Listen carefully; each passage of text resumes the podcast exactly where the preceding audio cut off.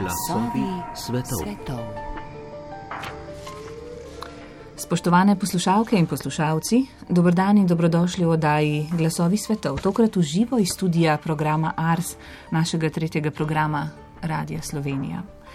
Zgodovina organizirane stanovanske gradnje pri nas je obenem tudi zgodovina različnih pristopov k reševanju stanovanske krize. Stanovanska kriza je morda res kontinuirana in kronična, vendar to ne pomeni, da je bila vedno enako zaostrena. Na vprašanje, kaj je sodobno, zdravo, ekonomično, okolju prijazno, velikodušno in prilagodljivo stanovanje, moramo danes iskati nove odgovore, saj sta svetovna zdravstvena in z njo povezana ekonomska kriza na novo izpisali pomen in vlogo stanovanja. Ogromne razlike v stanovanskih razmerah so postale še bolj vidne, dom pa je še izraziteje postal tudi delovno mesto in pred inflacijo varna finančna investicija. V takšnih hitro spreminjajočih se razmerah razstava Iščem stanovanje sto let organizirane stanovanske gradnje ne pomeni samo zgodovinskega pregleda, ampak tudi izhodišče za kritično diskusijo o prostorskih, arhitekturnih in organizacijskih priložnostih za reševanje stanovanske krize v prihodnosti. Razstava se je prejšnji teden otvorila v Muzeju za arhitekturo in oblikovanje, pa tudi na različnih lokacijah v javnem prostoru. Naj bo tokratna oddaja povod za odprtje široke strokovne in javne razprave, ki pa je tudi eden od pogojev za uspešno reševanje naraščajoče stanovanske krize novega tisočletja. V glasovih svetov tokrat gostimo arhitekte in tudi kustose omenjene razstave. Z nami so Ajda Bračič, Andraš Keršič, in dr. Miloš Kosec. Spoštovani gostje, dober dan in dobrodošli. Dobar dan. Lep pozdrav. Mi smo um, že um, predana ne se je tale oddaja začela, smo klepetali o, o tem, kaj vse bi bilo pametno in dobro povedati. Ampak začnimo kar na začetku. Um, torej, različni pristopi k reševanju stanovanske krize so. Bom z vami začela, gospod Kosec, kar morda. Ja, naša razstava, um, kjer je eh, četrti sokustos, tudi uh, dr. Bogo Zupančič, ja. um, se v bistvu ukvarja z enim dolgim obdobjem, sto, stotimi leti. Um, tako stanovanske krize, kot organiziranih odgovorov, to pravi družbenih, javnih odgovorov na to krizo. Um, seveda je najbolj učiten povod to, da živimo v obdobju zaostrene stanovanske krize ravno zdaj. V preteklem letu uh, um, se je poleg zdravstvene krize, um, ekonomske krize in tudi družbene krize, še posebej pri nas, um, spet jasno pokazala stanovanska kriza, kar pa ne pomeni, da je prej ni bilo. Tako kot mnogo stvari pr, uh, povezanih z epidemijo, se je tudi pri stanovanjih samo pokazalo, prišlo je na plano eno dejstvo, ki pa je um, mnogim slojem prebivalstva že zelo dolgo očitno, da stanovati v Sloveniji um, na uh, vzdržen, um, na človeku primeren način je privilegij, ne pa nekaj samoumevnega in da velik del prebivalstva te možnosti nima. No, to do neke mere velja za, tudi za ob, prejšnjo obdobje, ki jih preučujemo, skratka za obdobje med obema svetovnima uh mhm. -huh. vojnama in obdobje um, po drugi svetovni vojni do osamosvojitve, seveda pa so tukaj tudi velike razlike. Tako da um, poudarjamo, da je eh, stanovanska kriza na nek način nikoli ni bila razrešena, ni bila um, popolnoma rešena, po drugi strani ima pa ta obdobja zelo velike razlike pri ambicioznosti um, reševanja te krize, um, zelo velike razlike pri vlogi države, samoorganizacije in to je nekaj, kar je pomembno uvrstiti v debato danes. Zato, da se zavemo, da smo danes premalo ambiciozni na področju reševanja stanovanske krize in da arhitektura, družba, um, angažma posameznikov in celote družbe ponuja. Um, Zelo veliko vzorcev, ki smo jih že poznali v preteklosti, pa jih moramo samo modernizirati, zato da bomo lahko vsi, kolikor tok, vzdržno živeli človeka vredno življenje in da bomo šele zares lahko začeli uresničevati to ustavno določilo, ki ga imamo od 91. leta zapisanega v ustavi. To je, da država omogoča posameznikom, da eh, rešujejo svoje stanovanske probleme. No, ampak to ni, vi ste sicer ne raziskovali, seveda na našem območju pri nas, ampak teh sto let, ampak to je, to je globalni problem, ne? stanovanska kriza, kontinuirana in kronična. To ni samo za slovenski prostor značilno, seveda. Absolutno. Seveda, ja, um, ampak ima pa slovenski prostor tudi svoje specifike. Vseeno smo živeli v nekem specifičnem uh, geografskem okolju, političnem okolju in uh, skozi zadnjih sto let so se tudi zgodovinske okoliščine spreminjale. Kar je pa mogoče tudi za nas bilo, oziroma vsaj za me, ena izmed najbolj zanimivih ugotovitev raziskave pri tej razstavi je pa to, da um, se je res ta provizorična tri obdobja, na katero, na katero smo razdelili to obdobje zadnjih stotih let, eh, vsako izmed njih se je začel z eno zelo hudo stanovansko stisko pri uh, veliki večini prebivalstva, uh, sploh v mestih, in da je vsako izmed teh obdobij potem v svoji začetni fazi na en zelo drastičen način uh, odgovorilo na to stanovansko stisko. Um, ponekod z ukrepi, ki so bili podobni kot v tujini, ponekod pa z nekimi zelo specifičnimi eh, domačimi avtohtonimi rešitvami. Lahko pa ugotovimo, da v stotih letih slovenska arhitektura zmore in še vedno parira svetovni produkciji in da je bil nivo gradnje zelo visok, da je organizirana stanovanska gradnja potekala na podobno visokem nivoju kot v zahodnem svetu. In tudi naši avtori in arhitekti so se obračali po zglede predvsem v Skandinavijo mm. in pa v Ameriko. To so morgle prav značilne, ne? Morgle, pa tudi um, bolj goste pozidave, recimo model soseske. To je koncept, ki je bil oblikovan pri nas na specifičen način, um, ga je oblikoval um, Edward Ravnikar mm. in uh, je močno vplival na to, kako smo v Sloveniji gradili mesta in um, kako smo v bistvu na organiziran način s soseskami, za, ki so poskrbeli ne samo za stanovanja, ampak tudi za javni servis, za trgovine, šole, vrtce, um, za kulturne programe. Um, za upravne programe, za vse skratka. Sosedska ni bil samo model reševanja neke um, najbolj zaostrene stanovanske problematike, ampak so ravno skozi arhitekturo, skozi um, urbanistične premisleke reševanja tega problema, um, je družba reševala tudi druge probleme. Kako graditi mesto, kako graditi družbo, to so bile vsa. Zelo povezana vprašanja s tem, kako zagotoviti stanovanje. To je nekaj, kar je dobro um, obdržati v zavesti danes, ko se zdi, da, je, da se je, so se organizirane oblike umaknile iz centrov mest, da tam, kjer skladi lahko gradijo, je največkrat na obrobju mest in dobro je upozoriti na to, da če rešujemo stanovanski problem na ambiciozen način, če um, skupaj s stanovanji poskrbimo tudi za um, družbeno infrastrukturo, za prometno infrastrukturo, s tem rešujemo vrsto enih problemov. Ne samo posamezne stanovanske probleme, ampak tudi energetske probleme, um, okoljske probleme. To pogojuje um, drugačen, bolj vzdržen način premikanja ljudi po celi državi, um, razmerje med delom in stanovanjem, um, zdravo okolje um, možnosti za rekreacijo, uh, za druženje, to je vse kohezivno um, družbeno vprašanje. No? In, in tukaj um, imamo še, po mojem, da veliko za postoriti, da ugotovimo, da lahko oblikujemo bolj um, ekološko, uh, bolj ekonomično in tudi bolj prijazno okolje za, v celotni državi. No, sem mislila, malce kasneje to vprašanje, ampak ste ravno govorili o tej eh, ekologiji in, in o zelenem, ravno pred kratkim sem prečitala, ne, kako so zdaj na nizozemskem eh, ta ozelenela socialna stanovanja. Ne um, v bistvu zgradili. Um, vsi poznamo tisti stolpnici v Milanu, ne, ampak dobro, tam lahko živijo izbrani petičneži v Milanu. Ne. Tukaj pa zdaj 70-metrski objekt v sencu dreves, ki rastejo na balkonih. Um, kaj pa vi mislite o tej zeleni gradnji oziroma um, o, teh, o, o tem prenosu zelenega oziroma gozdov v urbana središča? Uh, a, je to, a je prihodnost tudi v tej gradnji? V tem zelenem, ne vem, te navpični gozdovi, kako naj rečem. Če se kar navežem na to, o čem je govoril Miloš, uh -huh. na mhm. model sosedske, te modeli v bistvu dokazujejo, da je to zelo trajnosten način gradnje.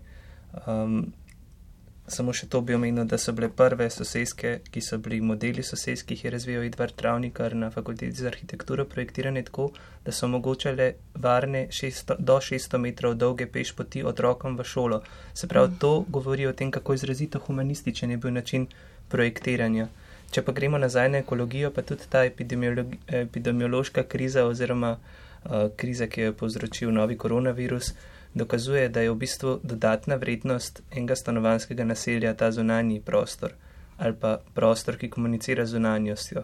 In recimo lep primer so Fužine v Ljubljani ali pa mhm. Štepansko naselje, kjer je to razmerje pozidanosti tako mečkano, da v bistvu zeleni prostor ostaja tist, kaj je najvrednejša sestavina enega naselja.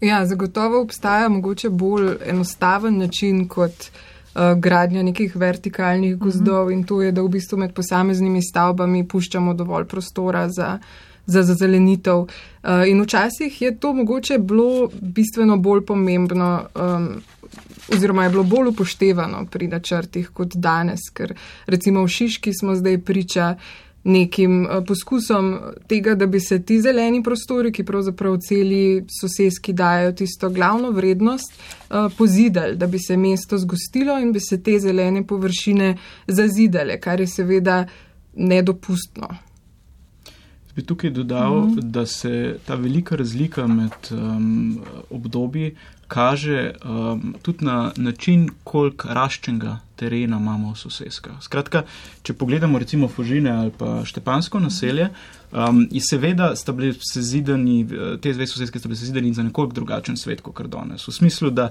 um, zahteve po osebnih avtomobilih so bile še vedno nekoliko manjše, um, tudi uradne zahteve v pravilnikih. Uh, zato te sosedske nimajo celotnega območja podkletenega z enim ali pa dvema nadstropjema garažnih hiš.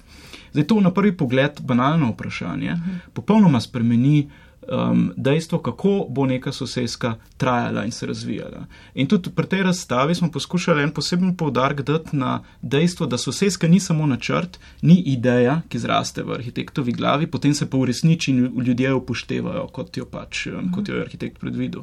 Ne, ne. Um, če govorimo o hišah iz 20. in 30. let ali pa o sosedskah iz 60., 70. in 80. let, so to um, okolja, ki trajajo, se spreminjajo in se različno dobro uraščajo v mesto um, in ljudje v njih različno dobro živijo. In mislim, da so. Vsem je bil eden izmed najbolj zanimivih aspektov razstave spremljati, kako so tiste prve fotografije, gradbišč, pa začetnega stanja sosedsk, kako se razlikujejo od današnjega stanja. V Fužinah in v Štepanskem naselju, recimo, če omenjamo za primer, To velja tudi za druge sosedske, ki so, kot je Aida povedala, zaznamovane z razkošnim, zelenim javnim prostorom. To je v resnici del sosedsk, ki, kateri smo vsi deležni. Ne. Redko stopimo v zasebno stanovanje nekoga, ki ni naše ali pa od prijateljev, um, ampak skupno um, javno zazelenjeno um, zazeljeni prostori so tudi javna infrastruktura vseh prebivalcev mesta.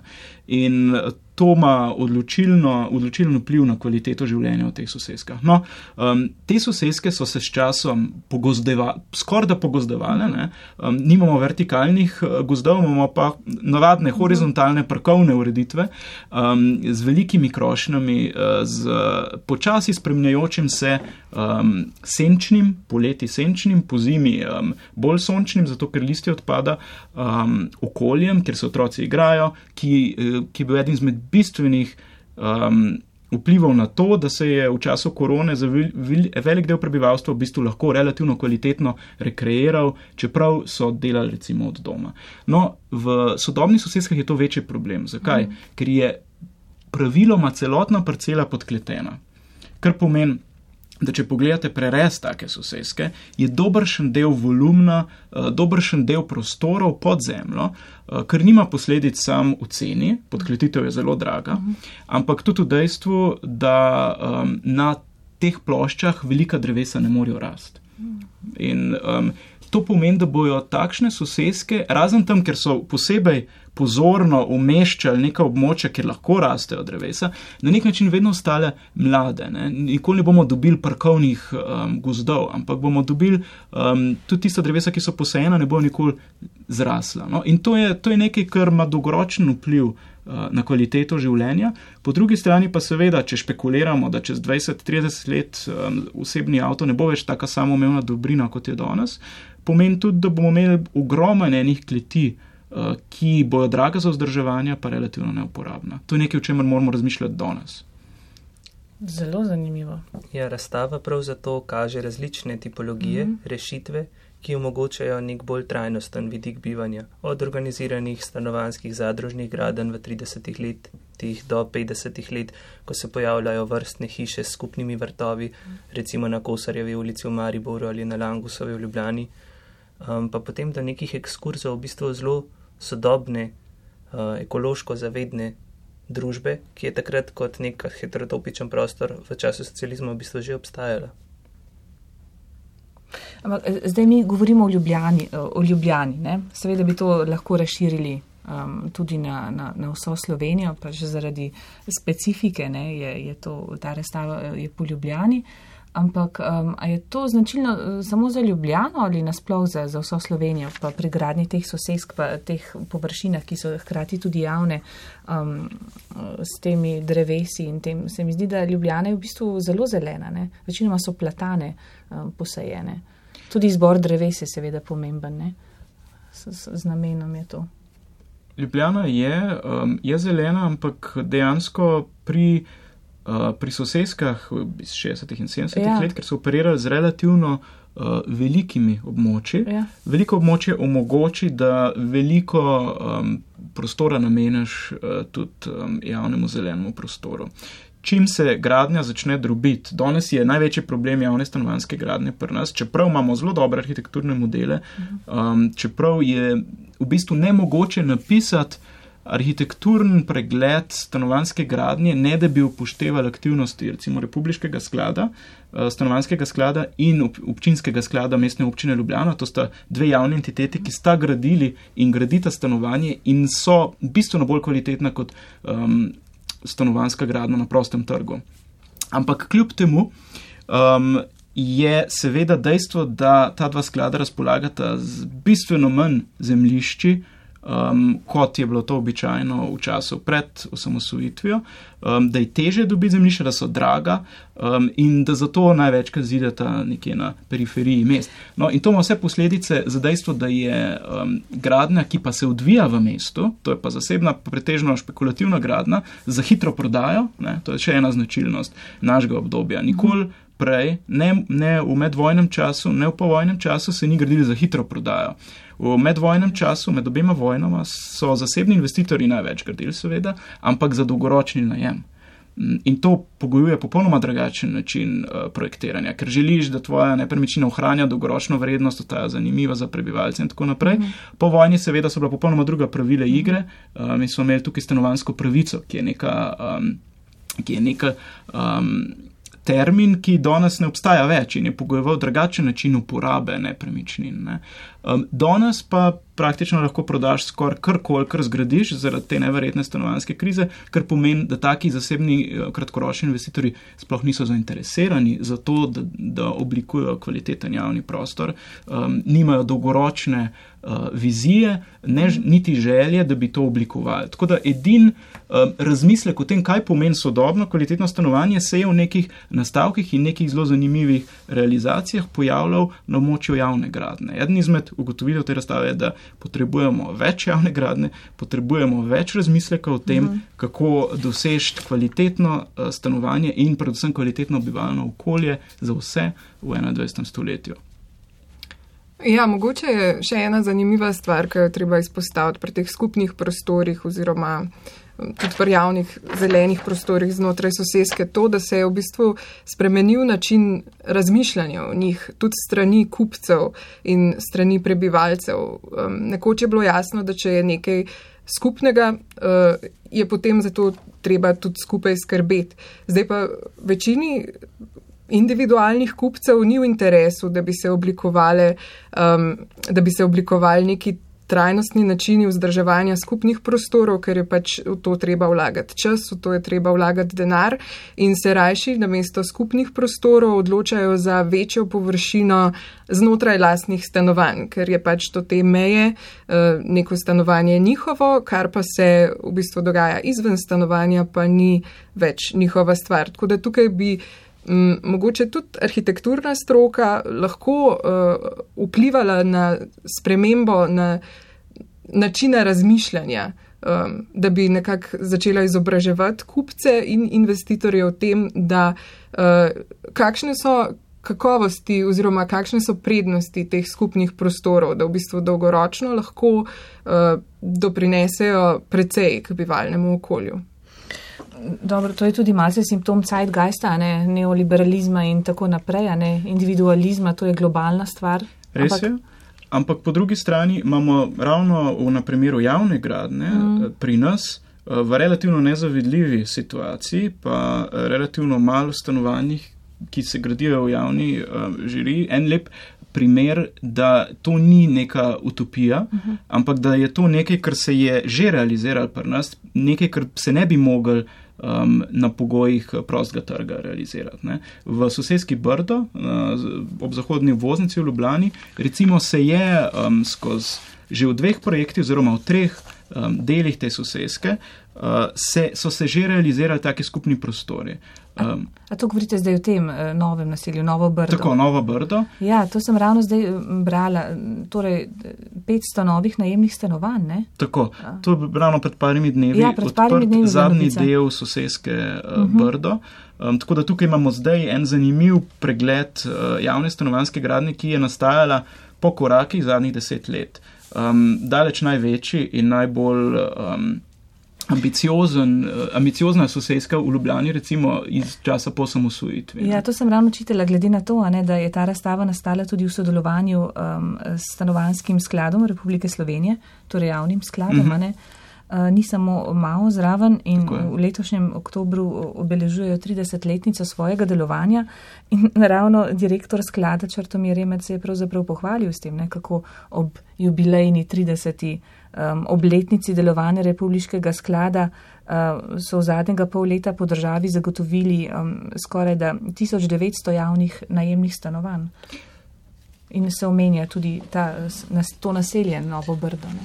Mogoče, kar se tiče stanovanskega sklada in razstave, je lepo videti, kako ena taka državna institucija lahko modra in gleda tudi nazaj, zato da lahko mm -hmm. bolje gradi za naprej. Tako da meni se zdi zelo dobrodošla pobuda stanovanskega sklada, ki medresursko eh, sodeluje z drugo državno institucijo, to je Muzej za arhitekturo in oblikovanje, in skupaj iščete rezultate za boljše odgovore za prihodnost.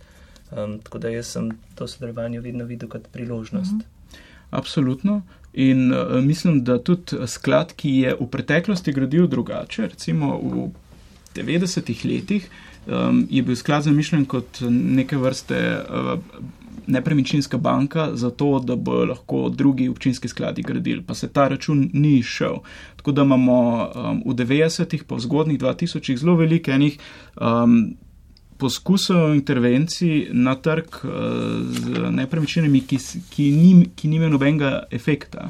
Medtem, ko zdaj v zadnjem obdobju, ko se je sklad preusmeril uh, zelo aktivno na področje javnih najemnih stanovanj, to je ene um, baze zanesljivega, stalnega najema um, in dolgoročnega lastništva vseh teh sosedsk sklada. Sprav, sam sklad je potem interesiran za neko trajnostno, um, vzdržljivo, um, arhitekturo, ki bo dobro predstavljala um, recimo preizkuse časa, to pomeni ponavadi tudi bolj kvalitetno arhitekturo, zato so se lahko na Brdu recimo um, artikulirale take stvari, kot so skupni prostori, mm -hmm. ki dobro funkcionirajo, ki so že pred nekaj leti um, so jih um, v svoje bloke uvedli Dekleva Gregorič arhitekti in s tem v bistvu v praksi dokazali, da to niso um, neke napol socialistične utopije, recimo, mm -hmm. ampak je to nek nujen del infrastrukture.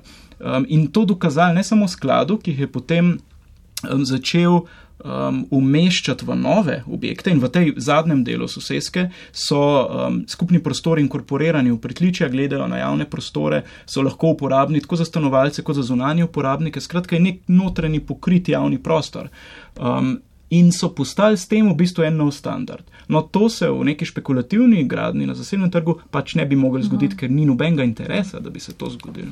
No, kar izvolite, gospod Peršič. Pa je tudi primer um, NAV arhitektov so, v sosednji gradni, ki jo je pa organiziral uh, stanovanski sklad mestne občine Ljubljana, kjer pa je ta skupni javni prostor, pokrit skupni javni prostor, umeščen izven bloka v dodaten paviljon. In to je bila rešitev arhitektov, ki so tako ponudili vsem stanovalcem te tega novega dela sosedske, en skupen prostor, kjer, lahko, kjer se lahko ljudje družijo, kjer lahko preznujejo rojstne dneve, kjer je njihov skupen prostor.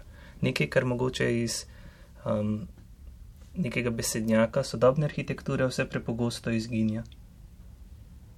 No, eh, sej, vi, gospod Kosec, ste to že omenjali, recimo um, za oddajo Kulturna panorama sem uporabila to, um, ki je bila ta vikend na Arsu. Um, o tem, da se nekaj časa teh najemnih stanovanj sploh ni gradilo v bistvu. Ne? Tako je. Da je bila vrzel, praznina, votov prostor.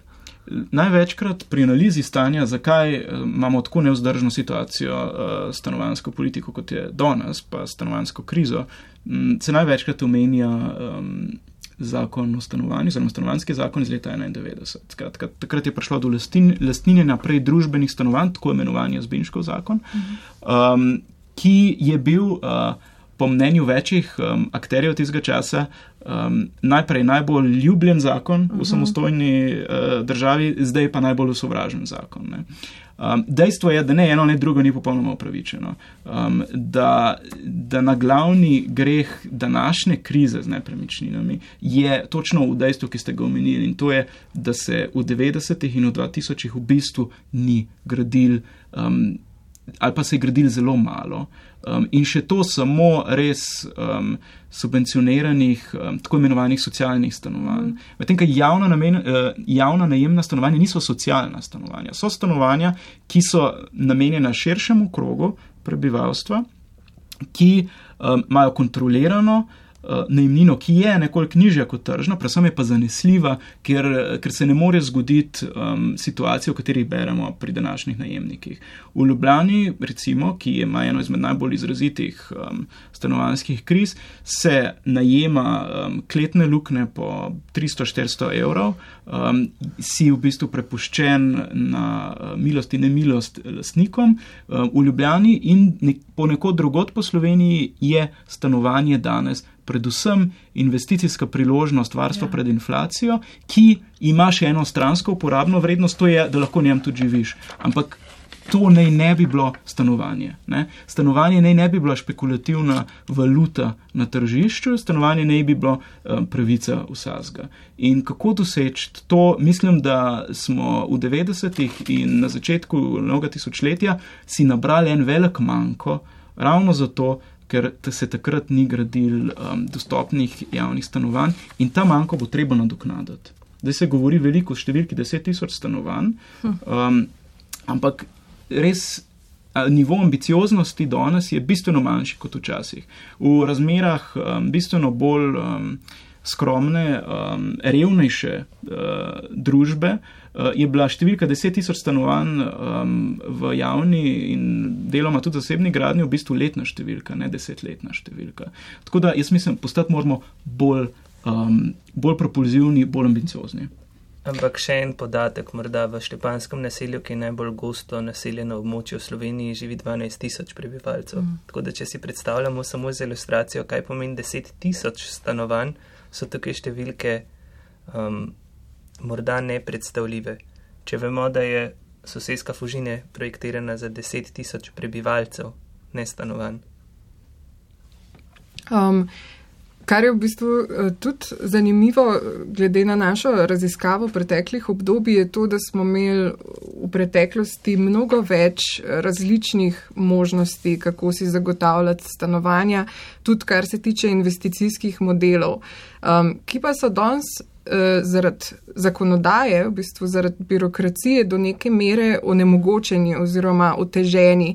In tukaj bi bilo mm, zelo pomembno uh, razmišljati o, o nekih zakonodajnih možnostih, ki bi lahko odprle uh, več različnih uh, načinov oziroma več različnih modelov za pristopanje k reševanju stanovanske stiske posameznikov. Tukaj seveda ciljam na zadružništvo, ki bi lahko uh, ponudil odgovor na vsaj del te stanovanske stiske, s katero se danes soočamo, ampak je zaradi določenih razlogov um, in, in birokratskih zank uh, do neke mere onemogočeno oziroma vsaj um, Ni spodbujano. Ni spodbujano ja, na ta način. Um, tako da tukaj je zagotovo eno področje, na katerem bi se dal uh, precej narediti. Mogoče bi tukaj omenila ene besede uh, ene izmed sogovornic, uh, ki smo jih povabili uh, k sooblikovanju razstave oziroma ki nam je pomagala pri razmisleku o razstavi. Uh, to je Srna Mandič. Uh, ki je rekla, da družba, civilna družba, zato da bi prišla do lastnih rešitev, potrebuje čas in potrebuje sredstva, zato da se lahko začne pogovarjati, da lahko začne razmišljati o reševanju svojih stisk. In tudi, če recimo neka nacionalna ali pa državna m, mm, infrastruktura ne zagotavlja rešitev per se, bi pa lahko zagotavljala vsaj ta čas, eh, te možnosti in ta sredstva, zato da se civilna družba lahko organizira in, in sama pride do nekih vzdržnih rešitev. Je pa stanovanska politika polje, ker se sreča ogromno število mm. strok. To ni domena zgolj arhitekture, niti slučajno. Tukaj so na potezi sociologi, um, razni drugi profili. V bistvu gre za neskončen preplet enih akterjev in strokovnjakov, ki lahko ponudijo osnovo za nekaj, kar imenujemo dobra stanovanska politika in nekaj, kar pri nas močno manjka. Če parafraziram Manjo Planišček, eno od intervjujank v filmu, ki spremlja razstavo, ona prav, da je v bistvu stanovanska politika, ki je dobra osnova za to, da arhitektura lahko pokaže, kaj kot projektantska praksa zmore. Se pravi, ti moraš imeti najprej program in potem lahko gradiš dobra stanovanja ker tukaj gre za dolgoročno planiranje, dolgoročno načrtovanje. Tako so bili narejeni tudi modeli sosesk. Prej ste sprašvali, zakaj so soseske v Ljubljani tako izrazito zelene. Je zato, ker smo imeli odličen generalni urbanistični plan uh mhm. -huh. že zelo zgodaj, kar je pomenil, da se je mesto širilo v opadnicah in se je navezovala nova infrastruktura sosesk na obstoječe zelene sisteme, na park um, Tivoli, Rožnik, Šišanski hrib, na Golovc, na drugi mhm. strani -huh. Ljubljane, na Barje, na Pot. Um, a, a lahko še, glede na to, no, da lahko še kar konkretne arhitekte omenjamo, ne? ti so tudi pomembni, ne? ker se mi zdi, da večina, če že govorimo o Ljubljani, ne? se mi zdi, da večina še vedno misli, da je Ljubljana, je pa samo, ne vem, plečnik paravnikara, ne?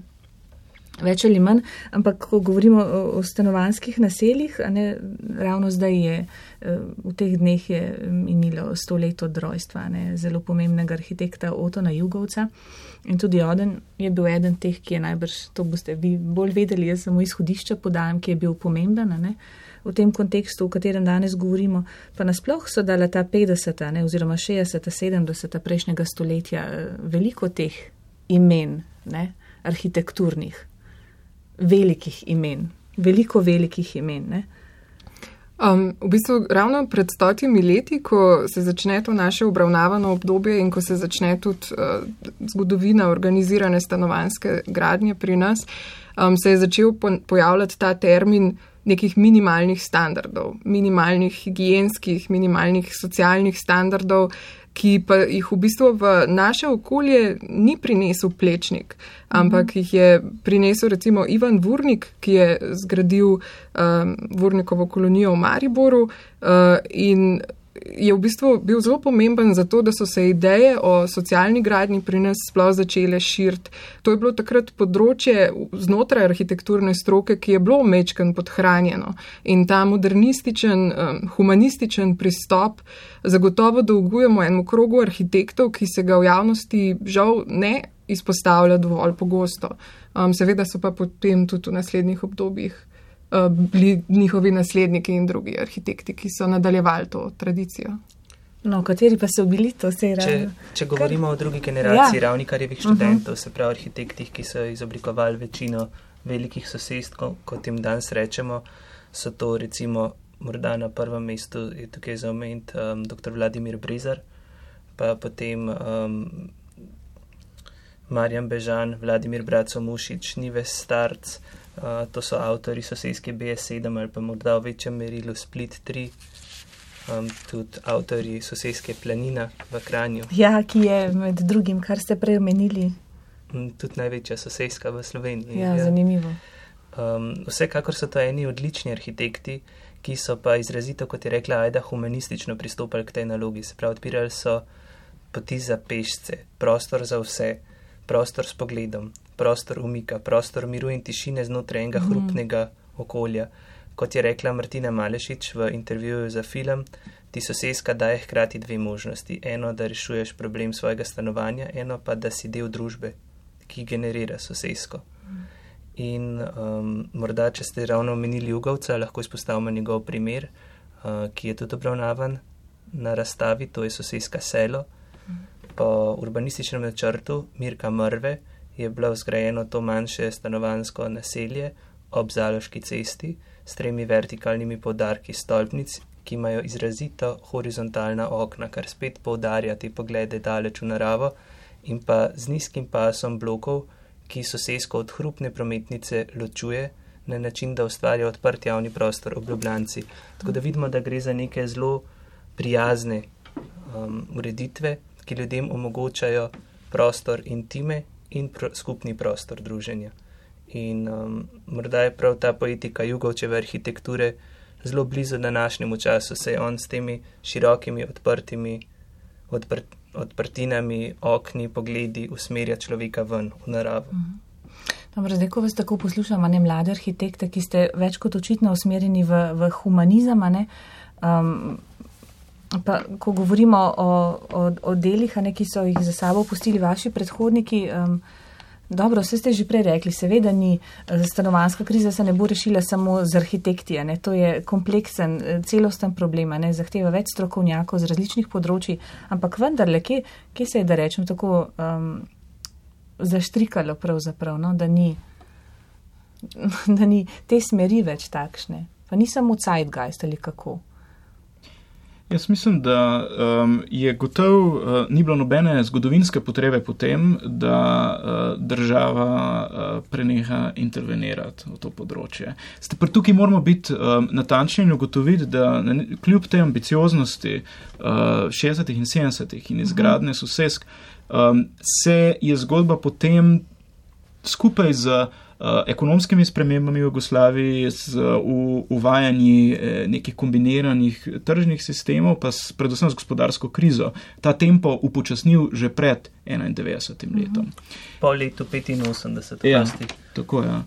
In um, obenem lahko spremljamo še en um, fenomen, prostorski fenomen, ki ni del organizirane stanovanske gradne, je pa bistveno odvisen od nje. To je razmah um, samograditeljstva ja. um, in reševanja stanovanskega problema uh, v lastni režiji. In to je nekaj, kar je radikalno spremenil krajino po celi državi. In to, to, na ta dogodek ne moramo gledati kot na nekaj popolnoma ločenega od tega, kar se je dogajalo recimo na organizirani način, ampak je dokaz, da celo pred tako ambiciozni gradni ni bilo zadoščeno vsem potrebam, to so te potrebe z manj in manj regulacije v bistvu udarile na plano druge. Mhm. In ta tempo um, reševanja um, stanovanskega problema v lastni režiji, uh, na periferiji, um, na poljih, na um, na območju, ki bi bilo bistveno bolj ekonomsko uporabljati za proizvodno hrane. Mi vemo, da so vedno ven samo zadostni uh, pri proizvodni hrane. Ravno v času, ko to um, s problemi v um, svetovnih komunikacijah in transportu postaja vedno bolj pomembno, vse to je odvisno od teh, na prvi pogled, popolnoma drugačnih problemov stanovanske preskrbe. In tukaj um, je treba povedati, da so se te tendence po 91. letu samo še nadaljevale. Um, in suburbija, eno, eno neskončno predmestje, v, v kar se recimo spremenja Ljubljansko polje že desetletja, pa tudi druga območja, je sindrom tega, da ne znamo um, urejati skupnega. Um, ampak suburbija je pa tudi najbolj potraten način življenja um, je najbolj potraten um, zato, ker moraš imeti avto, da kamorkoli prideš, najbolj potraten zato, ker ne moreš predelovati hrane na teh območjih, najbolj potraten um, ekonomsko in najdražji za zgraditi in za vzdrževati. Zdaj imamo eno celo serijo 300 kvadratnih metrov velikih hiš, ker živita ja. ena pa dva posameznika. To je družben problem, to ni zaseben problem. In, um, Dejstvo je, da se je s premembo uh, sistema po 91. letu zgodilo nekaj, kar ni bilo nujno, pa se je kljub temu je. Um, to, uh, da se je prikazoval stanovanski problem kot osebni problem. Pa ni. Mhm, Res pa je, da se ja. tudi ena družinska gradnja ni pojavila po osamosvojitvi, ampak je prihajala v valovih. Se pravi, ko ni bila družbena gradnja dovolj je na pomoč priskočila uh -huh. or, mhm. samo organizirana gradnja in to, je, to se je dogajalo v valovih, tako po letu 48, potem 68, ko je država z ugodnimi posojili, z davčnimi olajšavami v bistvu spodbujala tak uh -huh. način gradnje. Tako da jaz ne bi rekel, bi rekel, da je šlo za nek organski prehod, ne glede na sistem. Ne, um, ravno to sem hotel povdariti, da, da se je v bistvu vsa zadeva začela že v obdobju, ki ga danes mogoče preveč enostavno pojasnjujemo, kot Razumem. da je bil enak od leta 45 do 91. Uh -huh. Sploh ne. In ravno ta suburbija se je začela graditi um, takrat. Uh -huh. Samo tempo se je mogoče še pospešil po 91. letu, ampak definitivno. Um, gre za to, da um, tudi v Ljubljani, recimo, v 50-ih, 60-ih, 70-ih. Poskušali smo um, umestiti vere, ki niso običajne za arhitekturno razstavo, v, v to našo razstavo. Recimo časopisni članki, pisma bralcev. Um, v Ljubljani so, je bilo ogromen um, stanovanskih stisk uh, v 70-ih in 80-ih letih. Do družbenih stanovanj, kateri sploh niso mogli priti in so pisali obupana pisma v časopisje. Uh, velik najema je bilo v zasebnih rokah. Ljudje so zanajemali sobe ali pa stanovanja pri zasebnikih, tudi takrat. Tako da stvari so, imajo eno dolgo kontinuiteto, stvari se niso spremenile um, iz 89.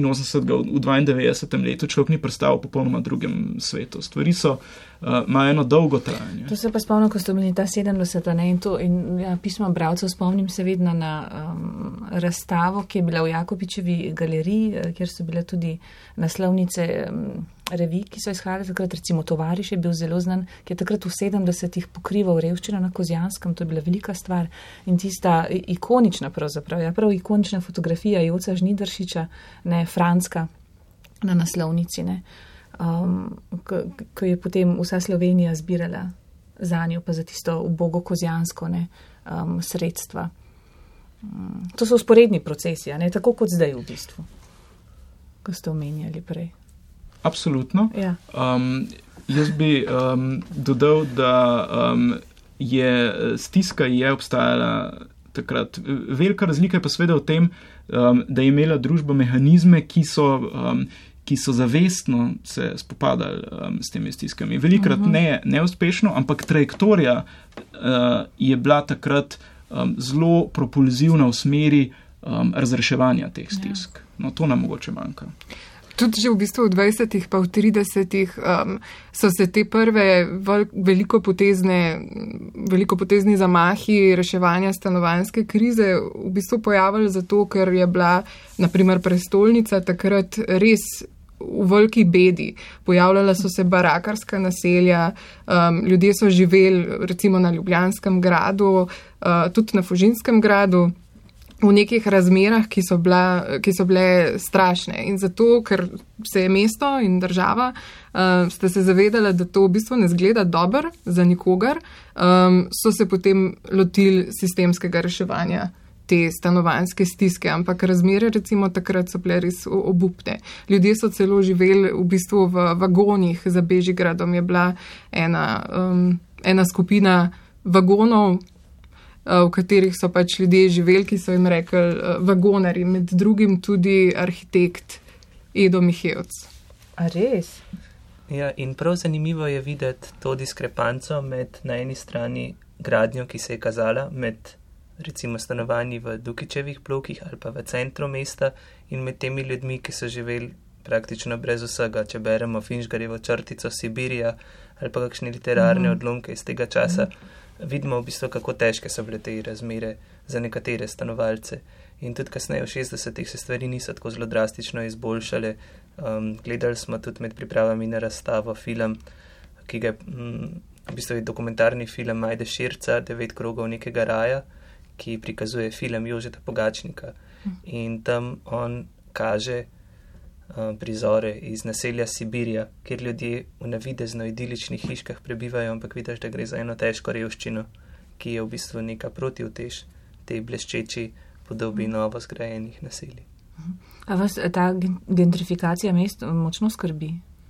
Jaz mislim, da je eden izmed največjih problemov, s katerimi se danes ja. ukvarjamo. Mislim, ideja, da bi morala recimo Ljubljana ali pa drugi kraji, ki so turistično in uh, ekonomsko privlačni, ja. postati predvsem odlogališče um, takih nepremičninskih zlatih palc, kot stanovanja se spreminjajo v njih, ali pa celo samo butični center, ne samo za tuje turiste, ampak tudi za domače obiskovalce, ki grejo za vikend v centre lastnih mest pogledati, kako je bilo včasih.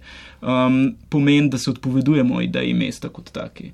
Mesto ni predvsem um, uh, nek uh, idealno tržen produkt, ampak je predvsem kraj skupnega um, in spodobnega um, družbeno odgovornega življenja. No, pa tudi to, kar, kar se gradi, v bistvu, oziroma kar se ne gradi, koliko časa že čakamo na NUK 2 ja. in obnovo drame in tako naprej stalno poslušamo o nekih luksuznih stanovanjih, ampak tukaj je vredno premisliti, kaj ta luksus je. Je luksus to, da, jaz, eh, da si lahko lastim večjo kvadraturo, pa mhm. hkrati ne moram stopiti na pet zelene zemlje. Za ena anekdota, ki sem jo v bistvu v času predstavljanja te razstave že večkrat povedala, um, pa se mi zdi res precej ilustrativna za situacijo, je to, da smo se odločili razstavo postaviti na uh, gradbene odre ja. uh, in jih v bistvu nekaj časa. Sploh nismo uspeli dobiti, oziroma je bilo prideti do njih zelo težko, uh, zaradi tega, ker se toliko gradi v Sloveniji in uh, te gradbene odre po, posojajo tudi v Italijo, tako da smo zelo težko zagotovili v bistvu to gradbeno konstrukcijo. No, naj še povem to, da sta razstavo oblikovala odlično Primoš Pislak in Ana Valenko, uh, ki se, imamo, ki se jim, jima imamo za zahvaliti za to odlično podobo, ki jo danes ima razstava v mestu. Zdaj, s tem, da je razstava postavljena na gradbene odre, smo pa tudi poskušali eno sporočilo.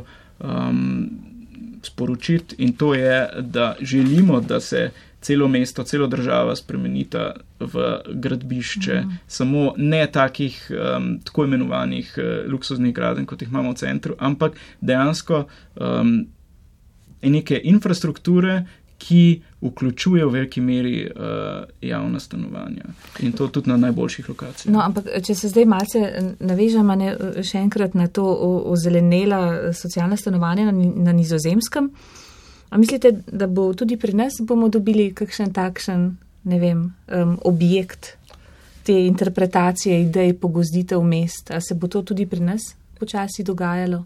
Jaz da... mislim, da je Slovenija zelo zelena dežela, ampak. Um, kot ilustracijo lahko omenim intervju, ki je potekal v sklopu filma, ki spremlja razstavo in tam smo um, intervjujencem zastavljali tudi vprašanje o trajnostni gradnji, o novih materijalih, o novih pris, principih, pristopih gradnji.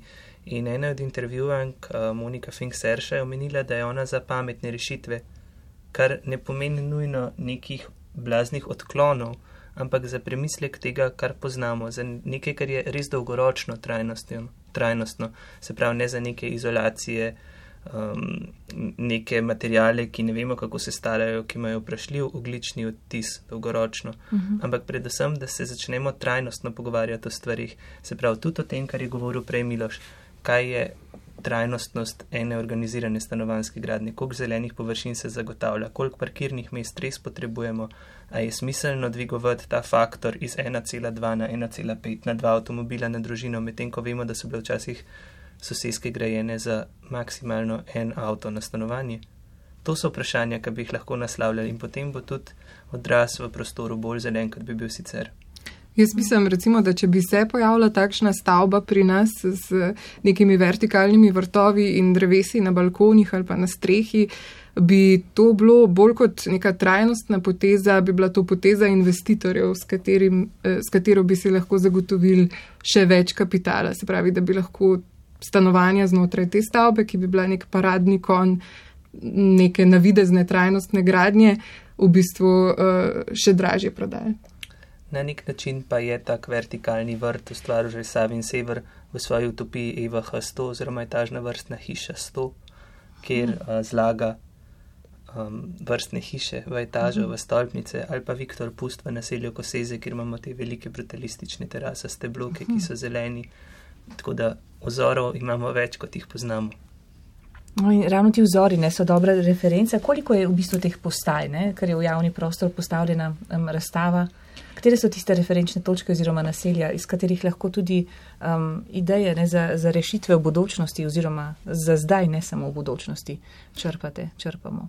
Zdaj, v javni prostor po uh, Ljubljani smo umestili sedem različnih postaj uh -huh. in pa dokumentacijski center v muzeju. Tako da poskušali smo um, čim več različnih tipologij, primerov, um, tudi primerov iz drugih krajev po Sloveniji, ki smo jih uvrstili na te postaje, ja. prikazati na mestu samem. Skratka, sprehod od ene do druge postaje je ne samo um, prehod, ampak v bistvu spremljanje uh, teh um, v našem primeru eksponatov v njihovem naravnem okolju. Ne. Arhitekturni muzej ima ta privilegij, da lahko uh, pokaže so, svoje objekte ali pa svoje eksponate najboljš ravno v, v javnem prostoru, od zunaj, taki kot so v merilu ena proti ena.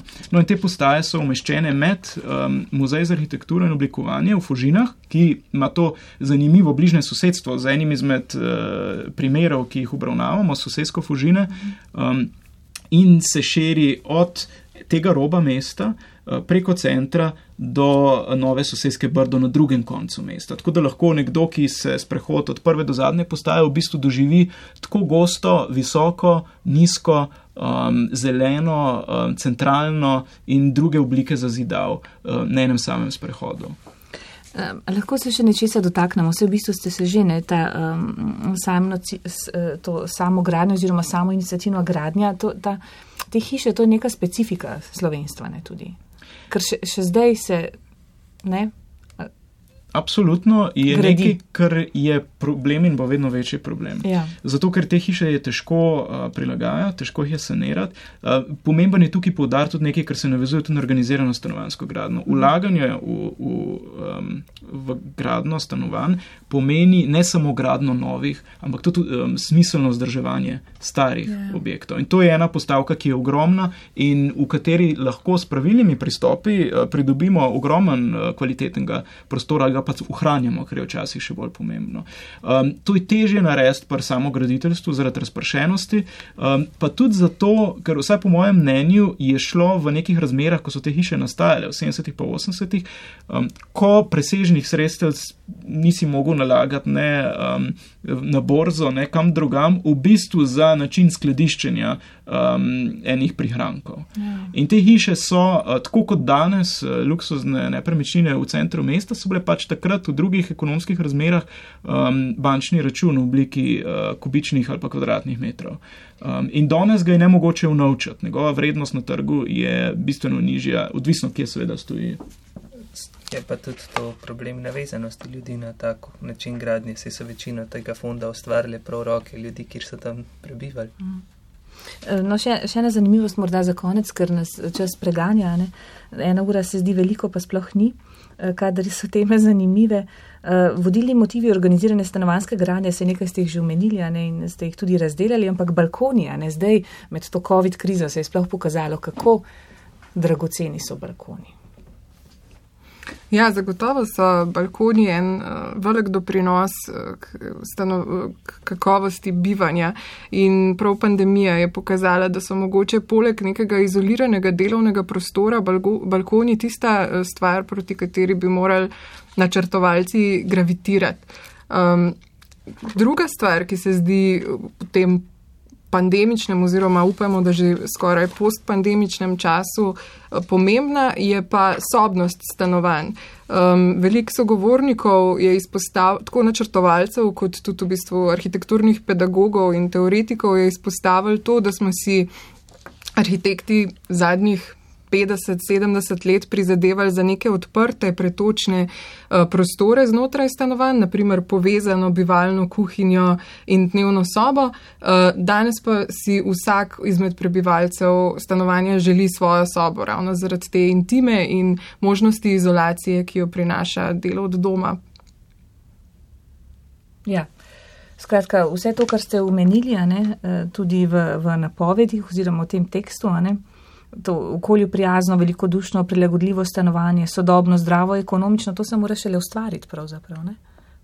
se še ustvarja, se šele. Ja, ampak veliko primerov tega že Ja, obstaja. no, sej. Tako da, Zato pa ta vabimo- razstava, ja. Vabimo, ko gledajo razstave v živo, na vsaki postaji boste našli še številne ekskurze, ki vabijo v druga slovenska mesta. Ja. Pokažemo, da se da. Da se da, ja, tako. Um, razstava pa je odprta do konca januarja, ne? Tako je. tako da je še dovolj časa. Hvala lepa, dragi spoštovani gosti, ker ste prišli in z nami delili svoje znanja in pa svoje izkušnje. In uh, ostanite zdravi in ustvarjalno še naprej vam voščim. Hvala Hvala za lepa. Hvala vabilo. enako. Dragi poslušalci in poslušalke, z nami so bili dr. Miloš Kosec, Andraš Keršič in Ajda Bračič. To je bila oddaja Glasovi svetov, v živo smo bili tokrat na Arsu, tonski mojster Grega Žumar, oddajo sem pripravila in vodila Lijana Buršič. Lepo, če smo se slišali, miran dan vam voščim in ostanite v družbi programa Ars še naprej. Glasovi svetov. svetov.